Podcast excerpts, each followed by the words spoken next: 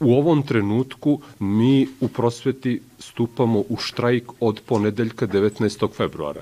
Trenutno mogu da vam kažem da, da ovo nije borba za neko dodatno uvećanje zarada prosvetnim radnicima. Ovo je dakle dogovoreno još 2015, odnosno 22. godine. Dakle, ovo je borba praktično za odbranu prava, pravde i dostojanstva prosvetnih radnika. Ne možemo i ne smijemo da dozvolimo kao društvo da se jedan granski kolektivni ugovor koji ima rang zakona što se tiče zarada i ostalih prava za prosvetne radnike jednostavno stavi pod noge da vam kažem da smo vodili neke pregovore prethodnih dana. Subota je bila da prije, prije skoro dvije nedelje kada nam je ministar financija zajedno s ministarkom prosvete predložio neko uopšteno rešenje, a to je da nam se tokom trećeg kvartala zarade uveća za minimum 15% neto.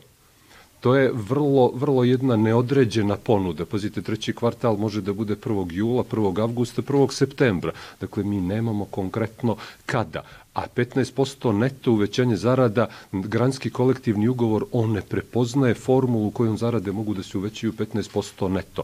Ono što smo mi poslali Ministarstvu prosvete i Ministarstvu financija kao predlog je da zaista kao sindikat prihvatamo uvećanje zarada tokom trećeg kvartala i da se praktično prolongira za, za 6-7 mjeseci naše već potpisano i dogovoreno uvećanje zarada. Međutim, ta formula neto, pošto je granski kolektivni ugovor ne prepoznaje, mi smo predložili da bude to u skladu sa onim što već imamo potpisano, da bude to određeno uvećanje putem koeficijenata, a kad se odbiju porezi i doprinosi, to dođe negdje između 16 i 17% na neto. Dakle, vrlo smo blizu onoga što što je ministarstvo financija i ministar financija predložio.